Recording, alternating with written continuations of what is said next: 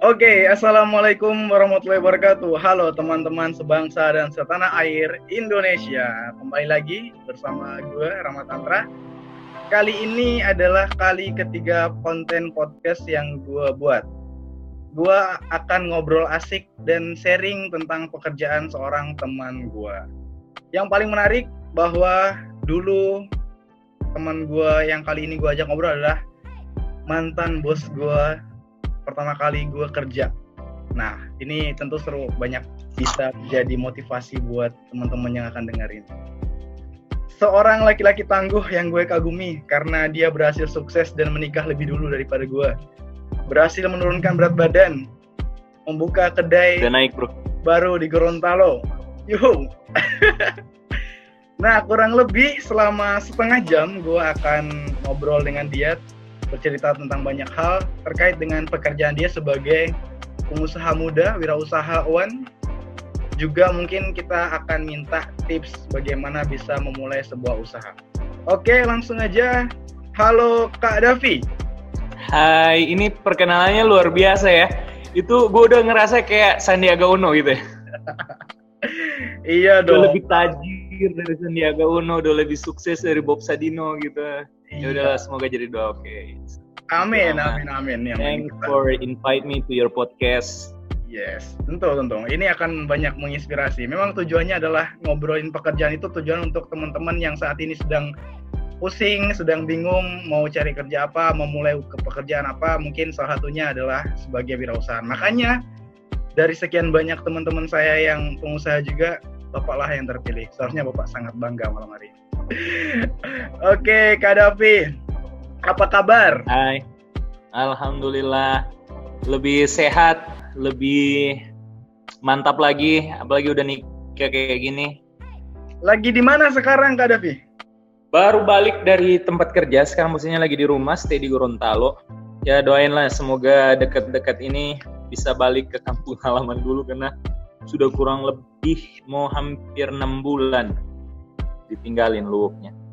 Iya, eh, jadi teman-teman se- eh, Kadafi ini adalah pengusaha di kota Luwuk Banggai, tapi karena pernikahan, cie pernikahan, dia pindah berpindah tempat sementara ke Gorontalo atau memang bakalan pindah ke Gorontalo selamanya nih? Kayaknya udah stay di Gorontalo deh Ram. Waduh, waduh. Ah, gue yang di luwuk udah dirampas men. Oh, eh, Udah ada owner baru yang di luwuk mah. iya itu jadi itu beberapa teman gua nanyain katanya kenapa kedai yang di Luwuk udah lama nggak buka. Jadi itu memang memang tutup ya ketika Kadafi pindah ke Gorontalo. Jadi kan kemarin eh, manajemennya itu rada kacau ya. Kacau dalam artian segala sesuatu itu harus gue yang tanganin sih. Waktu itu sih kan mau dipindah tangani nama adik gue, ke adik gue tuh. Terus katanya passionnya tuh belum di situ. Kan banyak banyak banget tantangannya kalau di dunia kan. Ya masing-masing ada tantangannya lah. Terus Oke. eh, dia bilang dia minta katanya eh, ayo kita coba bangun lagi arsal yang kayak dulu kayak gimana kita coba bangun lagi kan sekarang ini tutup kan ya gue bilang nanti tunggu gue balik dulu ya biar kita harus pikirin matang-matang rencananya juga harus dibuat sedemikian rupa jadi ketika running itu enggak belepotan kayak gitu karena eh, basicnya kan bukan di dunia usaha ada gue tuh Oke. Jadi ini informasi menarik, informasi ba- bagus, kabar luar biasa dari teman-teman yang di Banggai. Yeay. Banggai. Siap-siap, kedai Arsal akan dibuka kembali. tapi Ah. duitnya nggak masuk ke gue lagi bro Gak apa-apa dong, yang penting udah buka cabang di Gorontalo. Ini keren nih. Nah, oke, kita ke pertanyaan pertama. Ini Yes. sekarang eh, mulai sejak eh, di Banggai, udah memulai di Banggai terlebih dahulu, terus tiba-tiba memulai di Gorontalo. Ah, memang Iya. rencana rencana seperti itu ya? Jadi ini mau dibilang panjang nggak juga, mau dibilang pendek lumayan panjang juga ceritanya. Jadi kan kemarin nyari calon ya pasnya. Gue nyari calon, nemunya kan di Gorontalo. Terus gue mikir kayak gitu. Ini kalau kita stay di Luwuk, perputarannya kan berbeda dengan di Gorontalo. perputaran uh, uangnya perputaran dari segi penjualan minat terus di sini kan diuntungin waktu itu kan Luwuk belum masuk kayak dan lain-lain. Sekarang kan udah masuk kan? Nah dulu yeah. kan belum ada yang kayak gitu-gitu. Terus minat dari warga Gorontalo itu beda.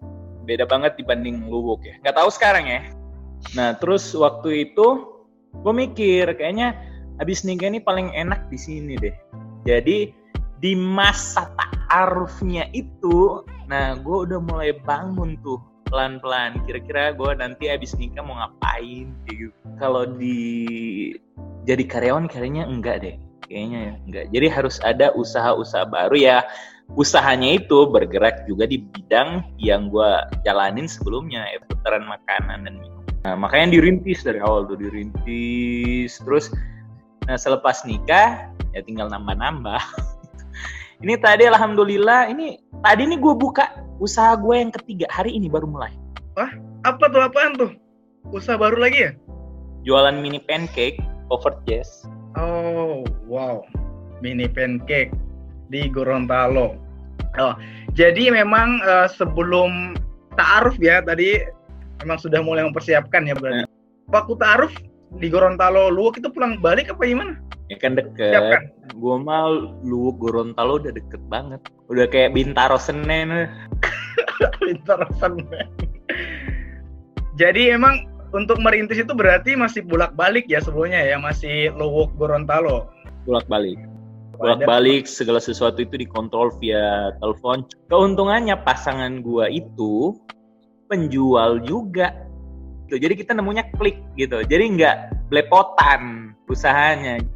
Ketika gua di Luwuk, ada yang ngontrol, tapi segala sesuatunya itu dikontrol fullnya di Luwuk. Jadi dari segi uh, penjualan laporan keuangannya, dari segi penggajiannya, dari segi uh, pelaporan barang apa aja yang laku, tersediaan stok dan lain-lain itu di gua sih. Dia bantu dalam marketing. Ya, usaha ini udah lo mulai ketika lo masih di Luwuk dan belum sedang situasi nikah nih, belum ya berarti ya? Emang udah jalan belum belum. Jadi sebelum nikah udah dipersiapin memang selepas nikah gue punya usaha apa gitu. Masih makan anak orang bro. Sebelum nikah itu mempersiap, sekedar mempersiapkan atau memang sudah mulai jalan usahanya di Gorontalo? Langsung kita persiapkan pas pelamaran, gue pelamaran itu udah kan di, di Gorontalo itu ada yang namanya musyawarah. Jadi musyawarah itu pembicaraan awal untuk ke pelamaran. Nah, dari pelamaran pembicaraan untuk nikah. Nah, pas musyawarah itu buat bicarain masalah bisnis itu. Pas udah lamaran, udah jalan. Oh, wow. Pas udah lamaran udah jalan benar-benar tersusun ini. Bapak punya rencana yang sangat-sangat luar biasa. Sangat menginspirasi malam hari ini. Oke. Okay. Inspirasinya di apa nih? Di bisnisnya atau di nikahnya nih? Di rencana, plannya. Memulai oh, rencana, rencana itu perlu. Oke, okay. baik sebenarnya untuk menjadi usaha, untuk menjadi pengusaha atau wirausahawan ya, ini memang sudah sejak masa kecil kah, sejak kapan sudah memang ingin menjadi pengusaha, Kadafi? Lu pernah denger nggak ada namanya The Power of Kepepet? Ya, sering denger lah kalau itu. Nah, tuh.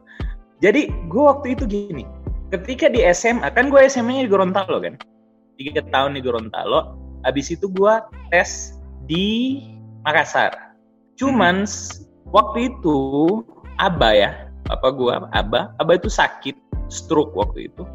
Terus dia bilang kalau kamu mau cari ilmu ya silahkan ke Makassar. Tapi kalau kamu mau cari ridho orang tua, kamu pulang ke lu karena Aba lebih butuh kamu. Gitu. Nah gue balik lah men.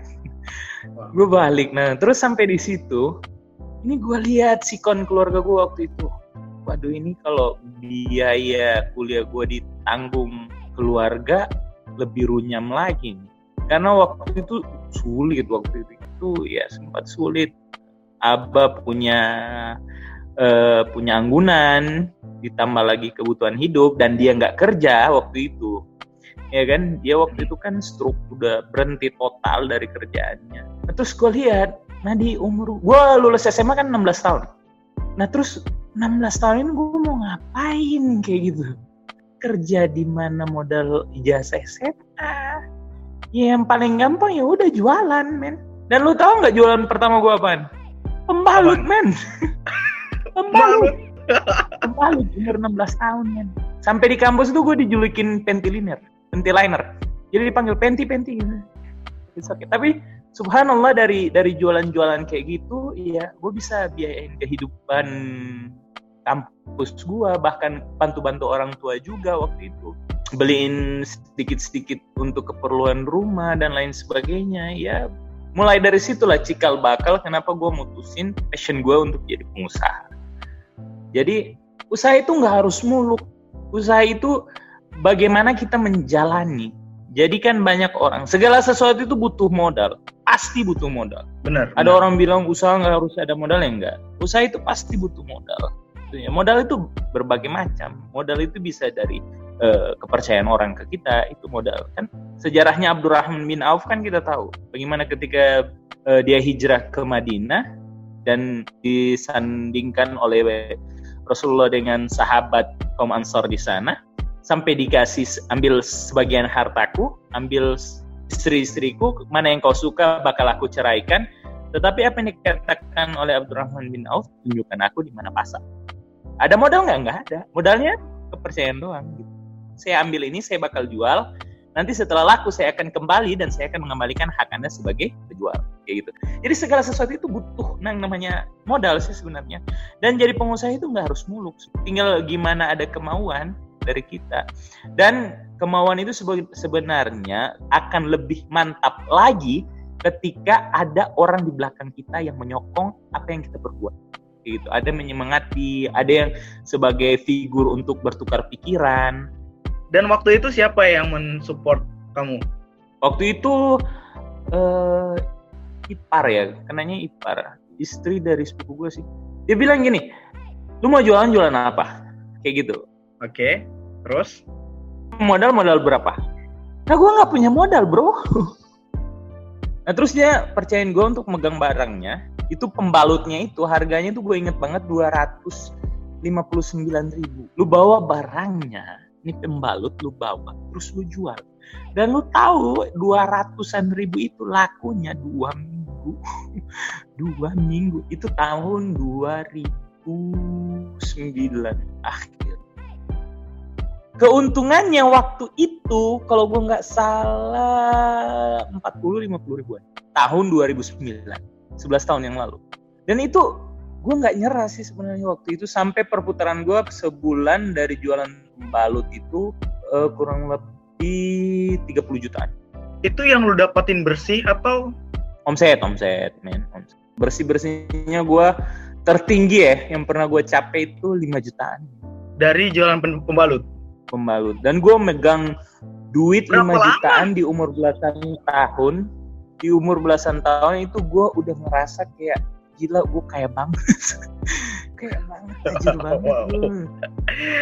jadi bisa dibilang keadaan yang saat itu membuat uh, lu tiba-tiba berubah ya Kak Devi nah waktu itu sebelum tiba-tiba situasi dan keadaan membuat uh, lu jadi pengusaha memulai usaha saat itu sebenarnya cita-cita apa yang pengen hmm. lu dapetin sebelumnya gue tuh dari SMA gue pengen jadi dokter waktu itu.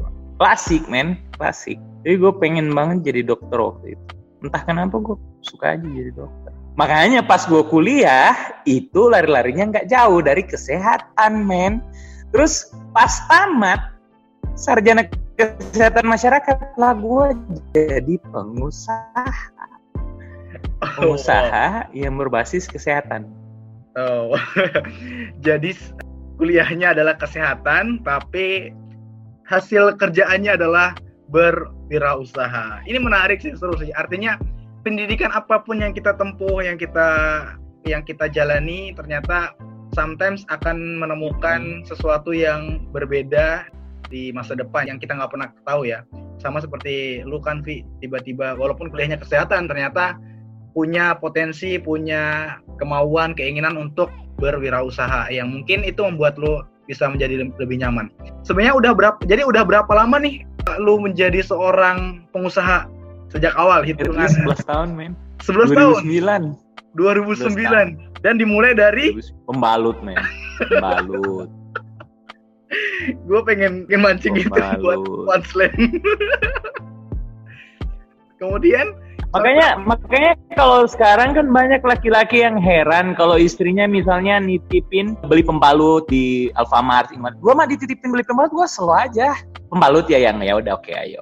Iya itu itu itu tuh pesan kuncinya.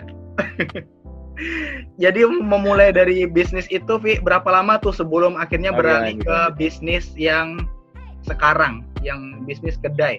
Jadi gini, awal gue usaha tuh kan jualan pembalut. Nah, selepas itu gue pernah jualan eh apa tuh ya? Ekstrak teripang. Apa tuh? Obat kuat, men. Anak umur belasan tahun jualan obat kuat ke om-om. Om, ada barang nih om, bagus om. Wow. Ajibnya tuh ampe nama gue dikenal, men.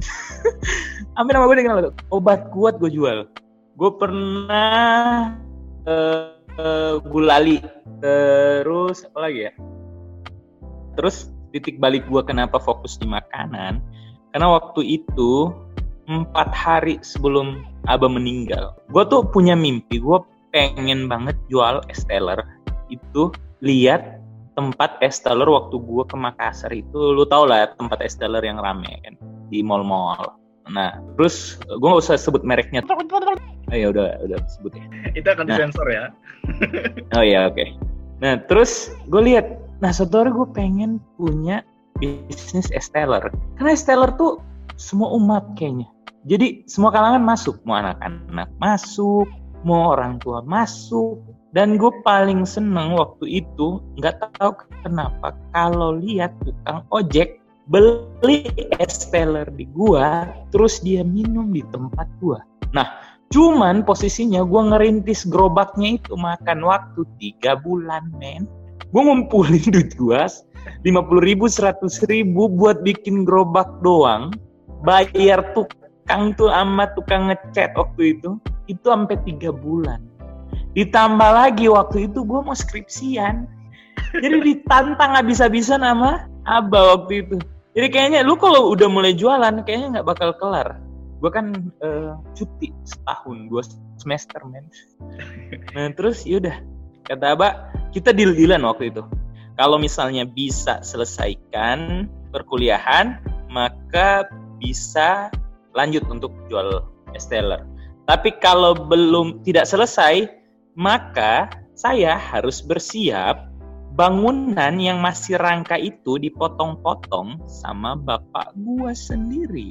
Bangunan gerobak maksudnya? Gua deal-dealan, pegang tangan men. Gak gue cium tangannya. Lu bayangin durhakanya gue kayak gimana? Jadi emang kayak udah deal deal tender ya oke oke deal kayak gitu. Subhanallah selesai itu kan.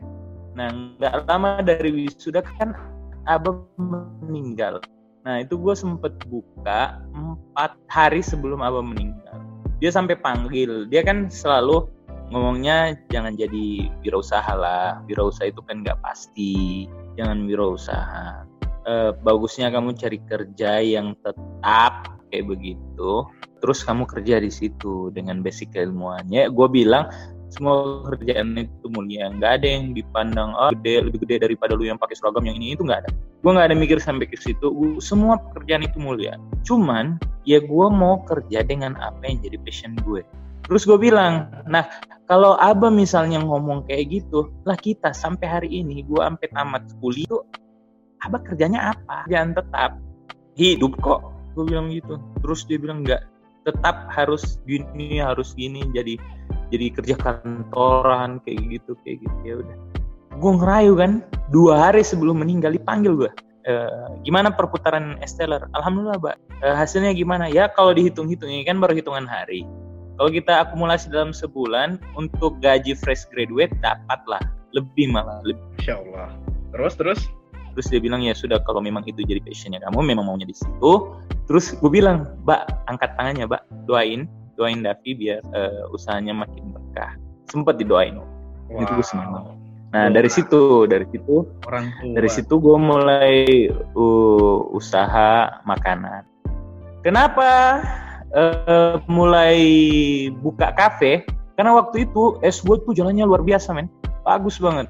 Terus kita dihantam dengan datangnya para personil Lu ingat nggak es dawet Banjarnegara? Iya iya benar benar. Oh, benar benar.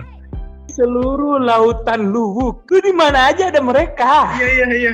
Benar benar. Terus iya kan bicara soal kualitas yang mau masuk siapa aja ya tergantung kualitas kalau emang kualitas baik pangsa pasarnya ada aja cuman yang gue lihat tren masyarakat lo gitu paling suka nyoba-nyoba waduh ini parah nih. Omset gue turun bayangkan. Omset gue turun tuh bukan turun 20% tapi turunnya sampai di 20% cuman ketika gue lihat es dawet waktu itu udah mulai-mulai baru masuk dan gue perhitungkan ini bakal menjamur. Nah gue udah prepare. Gue udah nabung gimana caranya gue buka kafe. Jadi ketika es gue tutup tutup? Okay. kafe gue buka. Dan gue tinggal nikah buku usaha ada di Gorontalo. Wow. Uh, dimulai dari jual pembalut, dimulai dari jual obat kuat, dimulai kemudian berlanjut ke es dawet sampai akhirnya menjadi kedai makanan, tempat nongkrong. Waduh, keren luar biasa, luar biasa. Udah 11 tahun, ya. Yes. Gue paling luar biasa kenapa? Karena gue jual sesuatu produk yang gue nggak pakai, pembalut sama obat kuat. itu aja. Kalau makanan gue cobain, men, enak enggaknya. Oke. Okay. Pembalut gue kagak pakai. Ini berarti memulai kedai, eh, memulai bisnis kedai atau makanannya itu berarti memang sudah mempersiapkan, dipersiapkan ya, Vi, melihat situasi juga dan kondisi situasi lapangan. Hmm. Uh, itu berapa lama untuk menyiapkan itu? Akan juga itu perlu berapa lama tuh? Gue sebenarnya jalan aja bro. Gue jalan, terus tiba-tiba apa lagi ya yang bisa gue putar? Kan udah udah pegang duit waktu itu. Eh enggak, men. Duit gue nggak cukup waktu itu, men. gue gadein gelang mak gue. Iya lupa gue, lupa lupa lupa. Gue gadein gelang mak gue gade untuk buka. Terus waktu itu dibilang padahal butuhnya tuh dikit banget 6 juta kayaknya. Minjem di gadean. Gade gade. Gade bilang. Makanya gue utang banyak. Gue utang banyak ngomong gue. Ya Allah. Itu dan itu gue nggak megang duit waktu itu. Nggak ada keuntungan yang gue rasain sama sekali. Karena gue nutup kan. akhirnya udah selesai urusan dengan pegadaian. Akhirnya udah berjalan normal kembali dengan bisnis yang lu jalani ya? Gue nabung dulu nabung nabung kuat banget dong apalagi pas waktu itu Abo udah meninggal kan? Jadi gue udah jadi suami buat ibu gue gue jadi aba buat adik gue gue jadi saudara juga buat adik gue jadi segala sesuatu kan larinya ke gue gue juga. Wow ini sangat inspiratif nih teman-teman jadi sebagai seorang kakak yang akhirnya sadar punya peran yang luar biasa yang besar untuk keluarganya maka survive itu dibutuhkan ya. Ya Vi ya. Kurang lebih seperti itu ya Vi ya, makanya gue bilang uh, ke istri gue lu beruntung dapat gue Masya Allah. Iya iya iya iya. Ya baiklah baiklah. Jangan kalau bahas istri aku nggak bisa komen banyak soalnya. Oke, Vi. Jadi setelah sekian panjang dan sekian usaha yang udah lu coba jalani dan lu lakukan sampai akhirnya benar-benar punya satu uh, usaha dan dan lu nggak punya usaha lain kan sekarang selain kedai makanan ini kan? Atau ada? Makanan doang gue. Makanan. Itu gimana perasaannya sekarang selama udah ini kan kayak kayaknya udah jadi kayak passion nggak sih? Iya sih sebenarnya. Gue lebih asik. Cuman kadang ya, kadang usaha itu bisa muncul dari sesuatu hal yang nggak kita inginin, tapi Allah kasih ke kita buat jadi usahanya kita. Contoh ya, uh, istri gue tuh kan bisa dibilang uh, yang punya follower lumayan lah di Gorontalo. Nah itu ada yang nanyain krimnya men. Kita jualan makanan yang ditanyain krim. Ini Karina pakai krim apa? Kak kalau bisa krimnya dijual. Ya udah gue bilang ya udah sekalian yang penting duit. Lu kasih gue duit, ayo. Sangat gitu. sangat memanfaatkan Lumayan. ya. Jadi lu doain, kan lu nanya selain makanan gue punya usaha apa lagi nah semoga selepas ini gue punya usaha kosmetik oh, oh itu pun sudah mulai di direncanain ya berarti ya itu muncul dengan sendirinya bro oke tapi kita kan jual makan tapi belum jalan belum jalan ya doain bulan ini dah oke Itu sangat-sangat. Intinya duit halal, ayo. Oke. Okay. Kuncinya adalah kita harus pandai melihat peluang. Oke, okay, Vi. Pasnya pasnya bukan kita pandai merayu yang punya peluang. Karena kalau udah dia yang ngasih, segala sesuatu itu bakal. Mau lu rencanain gimana, sebagus apa, ada budget iklan dan sebagainya. Kalau yang punya peluang nggak bakal ngasih, nggak bakal jalan. Tetapi segala sesuatu yang dianggap kita sulit, segala sesuatu yang uh, mungkin dipikir itu tidak mungkin, kalau yang memberi peluang berikan, akan ada jalan yang lain. Kita harus meminta kepada yang gimana tadi Fit? Ulang punya diulang. Peluang. Kita meminta kepada yang punya peluang. Kita meminta kepada yang punya peluang. Itu sangat inspiring teman-teman. Wow. Mm-hmm. Ini pengen pengen panjang sih sebenarnya ngobrol dengan Kadafi malam hari ini. Yap. Mungkin perlu diinformasikan usaha usaha kamu yang yang sedang kamu rintis saat ini tuh apa sih, Vi? Eh, yang pertama, usaha yang pertama untuk untuk di Gorontalo ya usaha yang pertama waktu itu kan gue mau nikah nah modal gue kan mepet. Terus gue pengen buka usaha. Gue sharing sama istri gue gue kita punya modal tapi sedikit. Terus kalau kita mau buka yang lain maksudnya usaha buka makanan harus persiapan bahan-bahan ini tuh agak susah. Nah terus dia dia punya ide kita sewa tempat tuh. Terus dia bilang bagaimana kalau kita buka jasa titipan makanan? Jadi lu mau buat apa lu kasih ke gue gue yang jualin. Ntar hmm. gue potong just tip dari situ. Kayak gitu. Jadi itu yang gue bilang tadi the power of kepepet itu wow wow. Jib ya. Oh jadi lu itu uh, yang di Gorontalo ini lu buka buka lapak yang diisi oleh usaha-usaha dari orang-orang lain ya gitu gitu ya hmm, jadi kita saling membantu. Jadi gini gue dapat keuntungan dari orang yang nitip ke gue itu para influencer Gorontalo. Jadi mereka itu udah jualan sebelumnya, terus ki, jadi saling membantu simbiosis mutualisme lah. Jadi gue promosiin eh, dagangan mereka, kan mereka iklanin kan kalau mau belanja produk mereka itu ke lapak kayak gitu. Jadi berpengaruh. Jadi kita saling mereka dapat duit, ya gue dapat duit plus nambah followers. Berarti bisnis kayak gini kayaknya bener-bener menarik Devi ya. Berarti lu berarti nggak ngeluarin modal gede kan ya?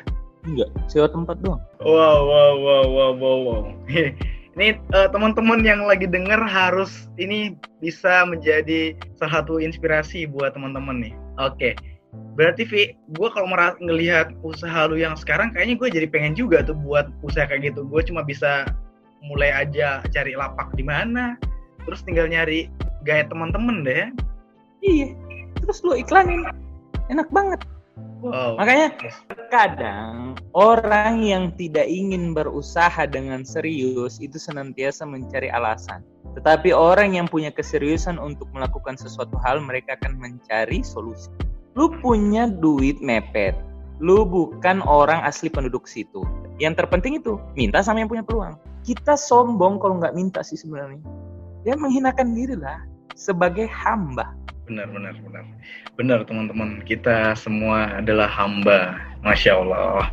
Ini eh, sel selain ngobrolin tentang pekerjaan yang menginspirasi kita juga dapat uh, kajian dakwah ya teman-teman.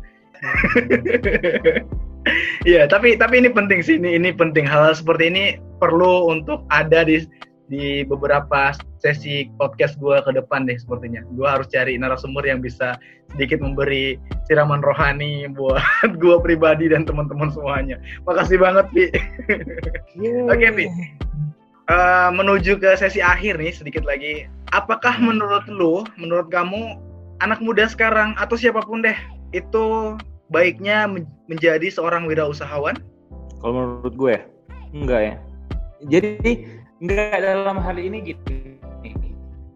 Kan ada orang yang pengen banget usaha, ada yang nggak mau usaha. Jadi kita nggak bisa maksain, eh lu jadi pengusaha ya. Nggak bisa, karena segala sesuatu itu dinilai berdasarkan apa yang mereka lihat dan bagaimana perkembangannya. Awalnya kan gue pengen jadi dokter. Gue tuh lihat, ini dokter enak banget gitu. Cuman main nanya-nanya, sekali konsul sekian. Gue lihat, subhanallah. Ini nomor antriannya sampai 60 benar. Jadi gue ngeliatnya kan kayak gitu. Ini orang muda banget. Buat dapetin duit itu gampang diseganin pun gampang. Iya kan? Lu bayangin oh, ada pejabat yang sakit parah terus ketemu dokter dok lu mau main-main sama gue gak gue kasih obat. Kayak gitu kan? Gue mikirnya dulu gitu kan. Enak banget dia jadi dokter itu. Jadi gue kayak powerful lah kalau sebagai dokter itu. Nah lama kelamaan kan gue memanfaatkan apa yang ada pada diri gue dan sekeliling gue kalau gue paksain waktu itu lu bisa jadi dokter tapi beasiswa. Lah gue nggak mampu sampai di tahap dapat beasiswa. Mungkin itu jalan-jalannya Allah ya. Ditambah lagi waktu itu abah sakit. Hmm. terus dari segi biaya nggak ada. Nah terus gue lihat apa sih yang bisa gue manfaatin dari diri gue dari sekeliling gue ya itu tadi. Ya gue jadi wirausaha kalau apakah harus dituntut segala sesuatu itu untuk anak-anak muda jadi wirausaha Ya tergantung dari apa yang kalian miliki dan apa yang ada di sekeliling kalian. Kalian ingin jadi lawyer pun bagus, sangat bagus bahkan. Bahkan kita tahu Hotman Paris selain jadi lawyer, dari lawyernya itu dia jadi pengusaha. Ya kan? Dia kan bukan berangkat dari seorang pengusaha. Dia berangkat dari seorang lawyer. Yeah. Yang ingin jadi dai, ya silakan. Ya kan kita tahu banyak dai yang punya brand-brand uh, baju koko pakaian-pakaian muslim dan lain-lain. Itu kan pengusaha. Berangkatnya dari mana? Dari dai. Wow. kayak gitu. Jadi silakan silahkan kalau menurut gua silahkan kalian mau jadi apa pun tapi ujung-ujungnya harus jadi pengusaha. Kayak gitu. Jadi nggak usah nggak usah usaha dulu. Kayak gitu. Nggak usah jadi pengusaha. Aja oh gua harus jadi pengusaha? Enggak. Ya ujung-ujungnya tuh jadi pengusaha. Kalau wow. dari otak gua ya kayak gitu ya benar benar benar setuju setuju Wow, ini ini tiba-tiba malah aku yang terinspirasi ya. Ternyata saat ini mungkin aku kerja sebagai seorang epidemiologi, pegawai. Iya benar kayak gue sekarang sebagai seorang pegawai di swasta, terus harusnya gue bisa buka usaha nih sekarang nih ya. Pakai cara yang Kadafi lakuin di Gorontalo itu sangat memungkinkan. Iya, iya. Apalagi lu punya koneksi yang lebih besar dari gue. Silahkan kalian bergerak, tetapi inti dari pergerakan kalian adalah kepada Dia yang Maha Memiliki. Oke. Silahkan, baik-baik. Itu sangat-sangat wow. Luar biasa, Vi. Aku nggak perlu mengulang lagi, teman-teman. Nanti tadi banyak banget kata-kata yang bisa diambil buat jadi inspirasi kita, gue pribadi juga. Nanti silahkan diingat-ingat aja ya. Oke, pertanyaan pertanyaan terakhir nih, Vi. Uh, mungkin ada beberapa teman di luar sana, anak-anak muda ataupun siapa pun lah ya, yang ingin memulai sebuah usaha, apa yang bisa kamu kasih tips buat mereka, Oke, okay. yang pertama biasanya kecenderungannya seorang pengusaha itu yang ada di otak mereka adalah duit. Itu awal tuh. Hmm. Nah, jadi kan sering yang kita dengarkan ketika kalian terlahir dalam keadaan miskin, uh, itu bukan salah kalian. Namun ketika kalian bertahan dalam sikon tersebut itu adalah kesalahan terbesar kalian. Nah, buat teman-teman yang pingin pingin usaha, uh, ingat saja hadis bahwa 9 dari 10 pintu rezeki itu adalah dari perniagaan. Itu udah udah udah pegangan gue tuh. 9 dari 10 pintu rezeki itu dari perniagaan. Kenapa? Ya itu tadi yang gue lihat. Ada yang lawyer, ujung-ujungnya usaha. Ada yang dai ujung-ujungnya usaha. Ya kan? Benar, jadi segala sesuatu itu usaha. Rasulullah pun usaha. Emang Rasulullah eh, pengusaha? Dia kan pemimpin. Iya. Dia lebih lama jadi pengusaha daripada jadi pemimpin. Beliau lebih lama untuk jadi seorang wirausahaan dibanding beliau sebagai seorang pemimpin dan ujung-ujungnya beliau pengusaha. Nah sekarang ketika teman-teman semua ingin ingin memiliki usaha yang pertama itu nggak usah muluk. Nggak usah muluk-muluk eh, nggak usah maunya yang langsung besar karena itu yang gue rasain ya gue mulai dari sesuatu yang begitu kecil yang bisa dibilang tidak uh, bakal terpikirkan oleh nalar seorang laki-laki. Ya jualan pembalut tadi dan gue mencoba bertahan dengan usaha tersebut gue usah mikir yang besar-besar uh, lihat sekeliling kalian apa yang bisa kalian manfaatkan. Dan yang kedua, yang kedua itu cari uh, partner yang bisa menyemangati. Uh, belum ada pasangan, bro, ya udah uh, ada orang tua. orang tua udah meninggal uh, banyak orang tua ya kan guru kita bisa jadi orang ya kan? Rekan kita yang lebih tua bisa jadi orang tua kita. Bahkan anak muda sekalipun yang lebih muda dari kita asal pengalamannya lebih besar bisa dijadikan sebagai orang tua dalam hal nasihat. Jadi yang kedua itu temukan partner temukan seseorang yang bisa menyemangati temukan eh, orang-orang uh, yang bisa menjadi penyemangat bagi kita bukan yang menjadi toksik. Kan ada orang kayak gitu gue mau ya, buka benar. usaha ini. Eh lah bro. Banyak banget saingnya gue mau buka usaha ini. Eh lah bro. Kalau lu jatuh kayak gimana? Gue mau buka usaha ini. Eh lah bro. Udah lama bro. Udah jadul udah basi udah gitu udah gitu itu kan secara nggak langsung bakal ngebuat kita down. Dan inti dari semua yang gue sampaikan itu sebenarnya yang paling awal adalah minta kepada yang punya rezeki itu sendiri. Segala sesuatu akan bergerak atas kehendaknya. Maka bodohnya kita ketika kita sudah mengetahui sebuah hukum pasti, namun kita tidak mengambil hukum tersebut. Sedikit cerita, uh, ada guru saya yang sangat menginspirasi dan saya yakin banyak sekali yang mengenal beliau, Dewa Eko Prayoga. Eh, bagaimana seorang dewa eh, terlilit hutang yang sampai 7,7 miliar di saat hutang yang 7,7 miliar itu bukan dia yang berhutang, tetapi dia ingin bertanggung jawab untuk menutupi hutang dari rekan kerjanya, bukan rekan kerjanya, kenalannya sih. Dia hanya ngenalin orang, terus dia ditipu, kayak gitu. Seorang pengusaha yang harus bangkrut, yang harus jual aset, jual rumah, jual mobil dan lain sebagainya, itu pun belum bisa menutupi seluruh hutang-hutang. Padahal bukan dia yang berbuat. Nah, Cuman ada teori dari seorang Dewa Eka Prayoga itu nih yang bagus banget buat di-share ke kalian. Yaitu dia bilang kalau kita mau usaha, dalam hal ini kan dia berusaha untuk melunasi. Kalau kita mau usaha itu kita harus bergerak, kita harus terus berjalan. Ada teori sofa dan marwah katanya. Bagaimana seorang Siti Hajar yang melihat eh, Nabiullah Ismail itu kehausan dan kelaparan, dia berjalan dari sofa menuju Marwah tujuh kali bolak-balik. Yang ditahunya ketika ia sampai di ujung Marwah, itu tidak ada sesuatu, dia balik lagi ke sofa, tidak ada sesuatu. Artinya dia bolak-balik itu di jalur yang sama, yang dia tidak menemukan apa-apa. Tapi kok dia mau terus bergerak? Yang lucunya lagi, justru sumber makanan itu berupa zam-zam itu keluar dari ujung kaki Nabi Allah Ismail. Jadi kita melihat dalam peristiwa ini bahwa yang Allah inginkan kalian meminta dan berusaha. Urusan pembagian rezeki itu urusan mutlak bagi seperti itu. Nah dia waktu itu jualan ceker ayam men. Ceker ayam yang katanya waktu itu untung-untung bersihnya itu paling banyak 100 ribu. Lu bayangin hampir hutang hampir 8 miliar dibagi 100 ribu sampai dunia kiamat gak bakal lunas. Iya benar dia jualan ceker ayam. Malah udah jauh-jauh terus dibilang ah nggak jadi pak soalnya udah dingin. Hujan-hujanan. Tapi ya dia bergerak bergerak. Biar Allah yang selesaikan semuanya. Tugas kita sebagai hamba meminta dan bergerak. Nah itu. Right, yang right. selanjutnya dia bilang katanya ada teori tongkat Musa. Jadi tongkat Musa itu bagaimana uh, Nabi Musa ketika di, dikepung oleh Fir'aun yang dia udah nggak tahu mau buat apa-apa lagi. Ini kalau kita tidak lanjut kita mati. Nyata.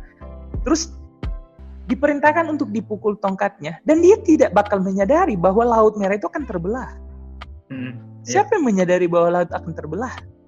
Tetapi karena kekuasaan yang punya lautan itu, maka segala sesuatu itu menjadi termungkinkan. Itulah katanya kita harus memiliki yang namanya tongkat Musa. Apa potensi yang bisa yang ada dalam diri kita yang harus kita keluarkan? Apa potensinya? Makanya waktu itu tongkat Musanya dia dia pernah nulis buku. Nah, lu kan penulis kan?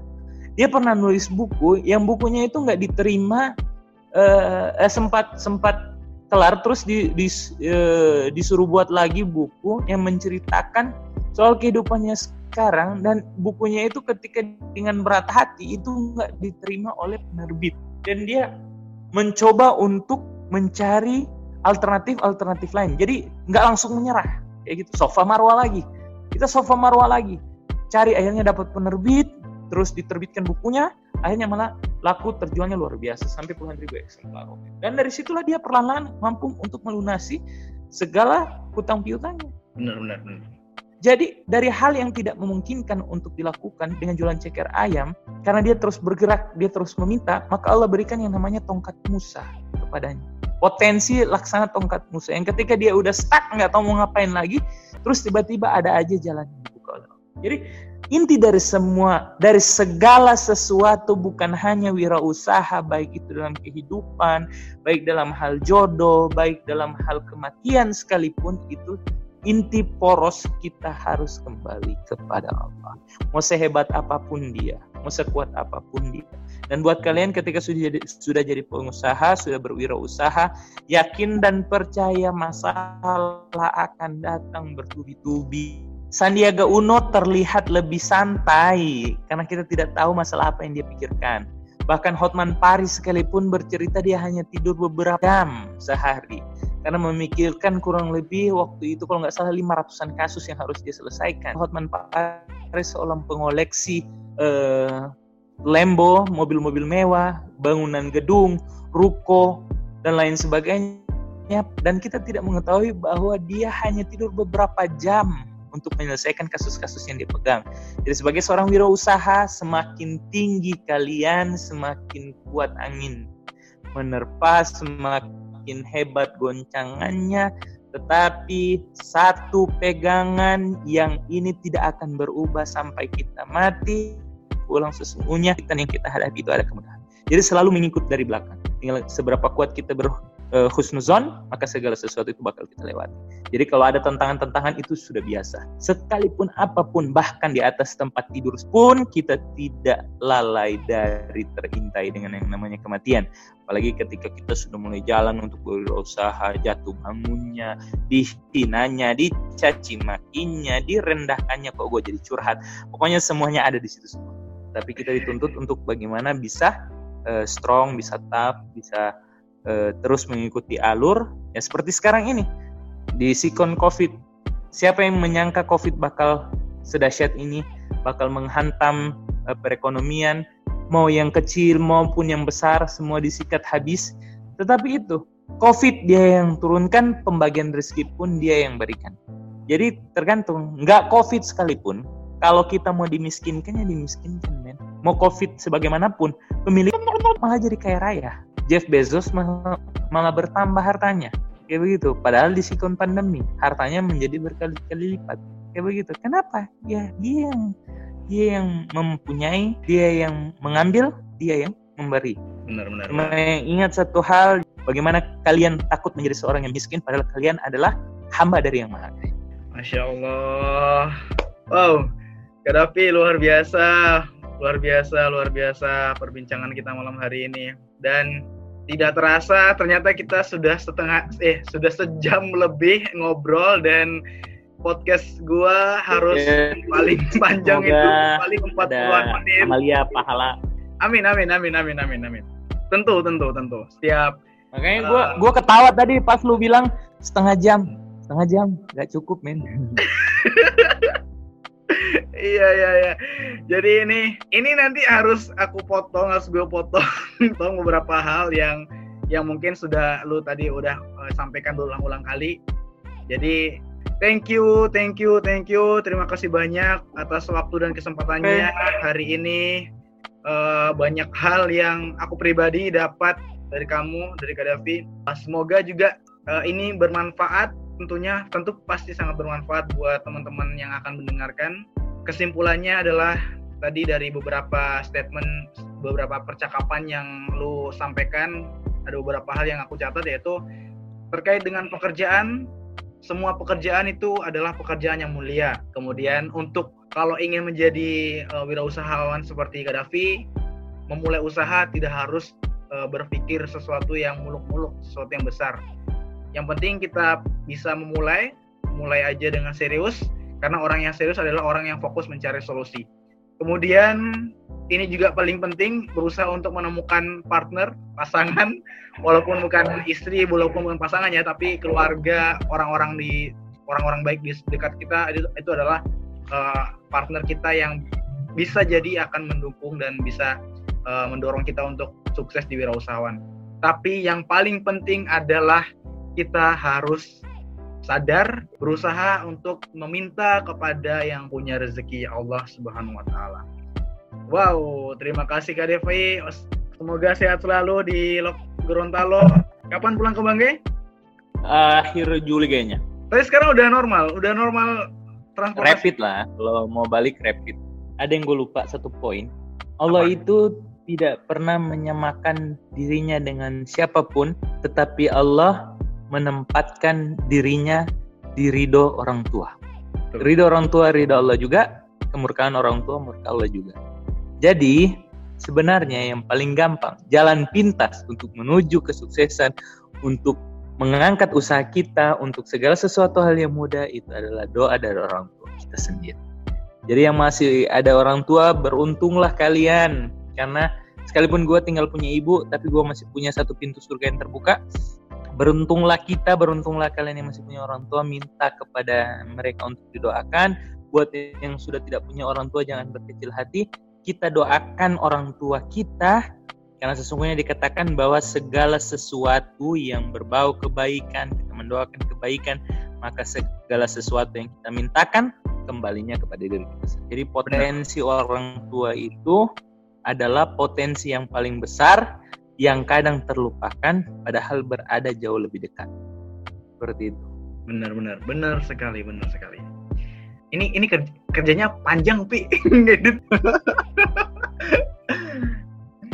Oke Bi, thank you sekali lagi. Semoga sehat selalu. Salam buat keluarga, salam buat ibu, salam buat uh, adik di Luwuk Bangge. Semoga kita bisa berjumpa di kesempatan akan datang insya Allah.